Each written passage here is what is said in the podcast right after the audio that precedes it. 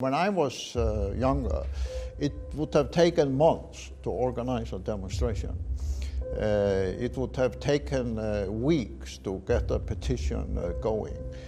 But throughout the financial crisis, especially in 2008 2009 in my country, we witnessed the power of what we call social media.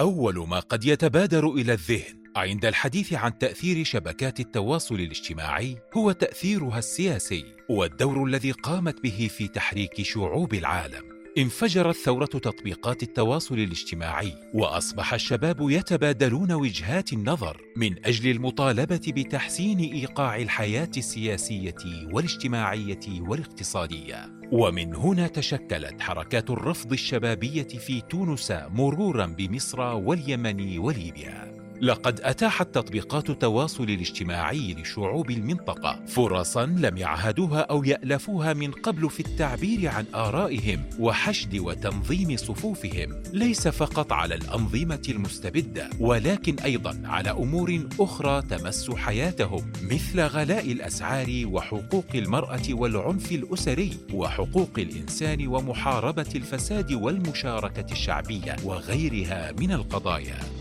السهولة والعالمية والتنوع والمجانية جعلت من تطبيقات التواصل الاجتماعي ثورة حقيقية في عالم الإنترنت.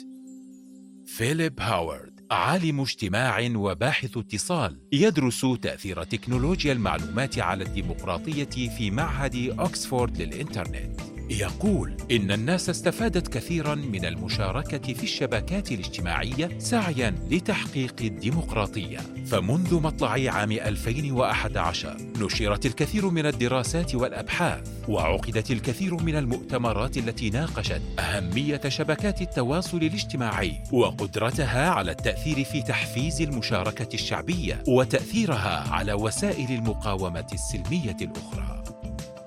مقارنة أعداد مستخدمي مواقع التواصل الاجتماعي خلال السنوات القليلة الماضية كفيلة بمعرفة حجم تأثير هذه التطبيقات. ففي عام 2015 كان هناك مليارا مستخدم على هذه الوسائل بينما وصل هذا العدد في عام 2021 إلى أربعة مليارات مستخدم في جميع أنحاء العالم أي ما يعادل 50% من إجمالي سكان العالم. هذا التزايد المستمر في أعداد مستخدمي وسائل التواصل الاجتماعي. جعل الحكومات غير الديمقراطية تتنبه إلى خطورة هذه الشبكات في رفع الوعي الشعبي ومعرفة الناس بحقوقها السياسية وتداول أنماط العيش السيئة. فخلقت هذه الحكومات المستبدة أذرعها الإعلامية وجيوشها الإلكترونية لمقاومة الثورة المعلوماتية التي كشفت عيوب ومساوئ النظم الاستبدادية أصبحت الشبكات الاجتماعية أقوى وسائل المقاومة السلمية في السعودية، فقد بلغ مستخدمي تطبيقات التواصل الاجتماعي في السعودية لعام 2021 قرابة 27 مليون مستخدم،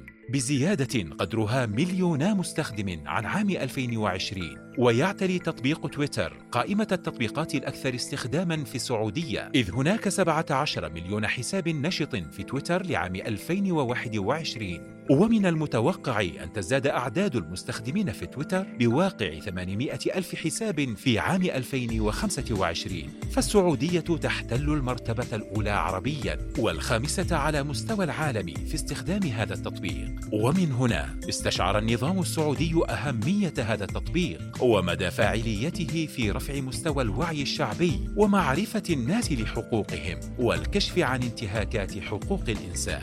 فقام محمد بن سلمان باستخدام الجاسوس علي آل زبارة الموظف السابق في تويتر للكشف عن ستة آلاف حساب في الحادثة الشهيرة عام 2015 لكن هذا الاختراق لم يفي بالغرض. فلا تزال ميزة الهاشتاج تدق ناقوس الخطر. لقد كان الهاشتاج الوسيلة الأنجح خصوصا في بدايات تطبيق تويتر في السعودية. كان الهاشتاج هو وسيلة الضغط الشعبي الأقوى والتي من خلالها يعرف رأي الشارع السعودي في كثير من القضايا والمتنفس الآمن للتذمر من القرارات الحكومية. كان أقرب ما يكون إلى برلمان إلكتروني للمجتمع بأكمله. لكن بعد صعود محمد بن سلمان بدأت بوادر القمع الإلكتروني بشتى الوسائل. ابتدأت بالطريقة البوليسية التي اتخذها مستشاره الخاص سعود القحطاني بوضع القائمة السوداء ليجعل الجميع يساهم في القبض على من يختلف ولو بشيء بسيط مع قرارات العهد الجديد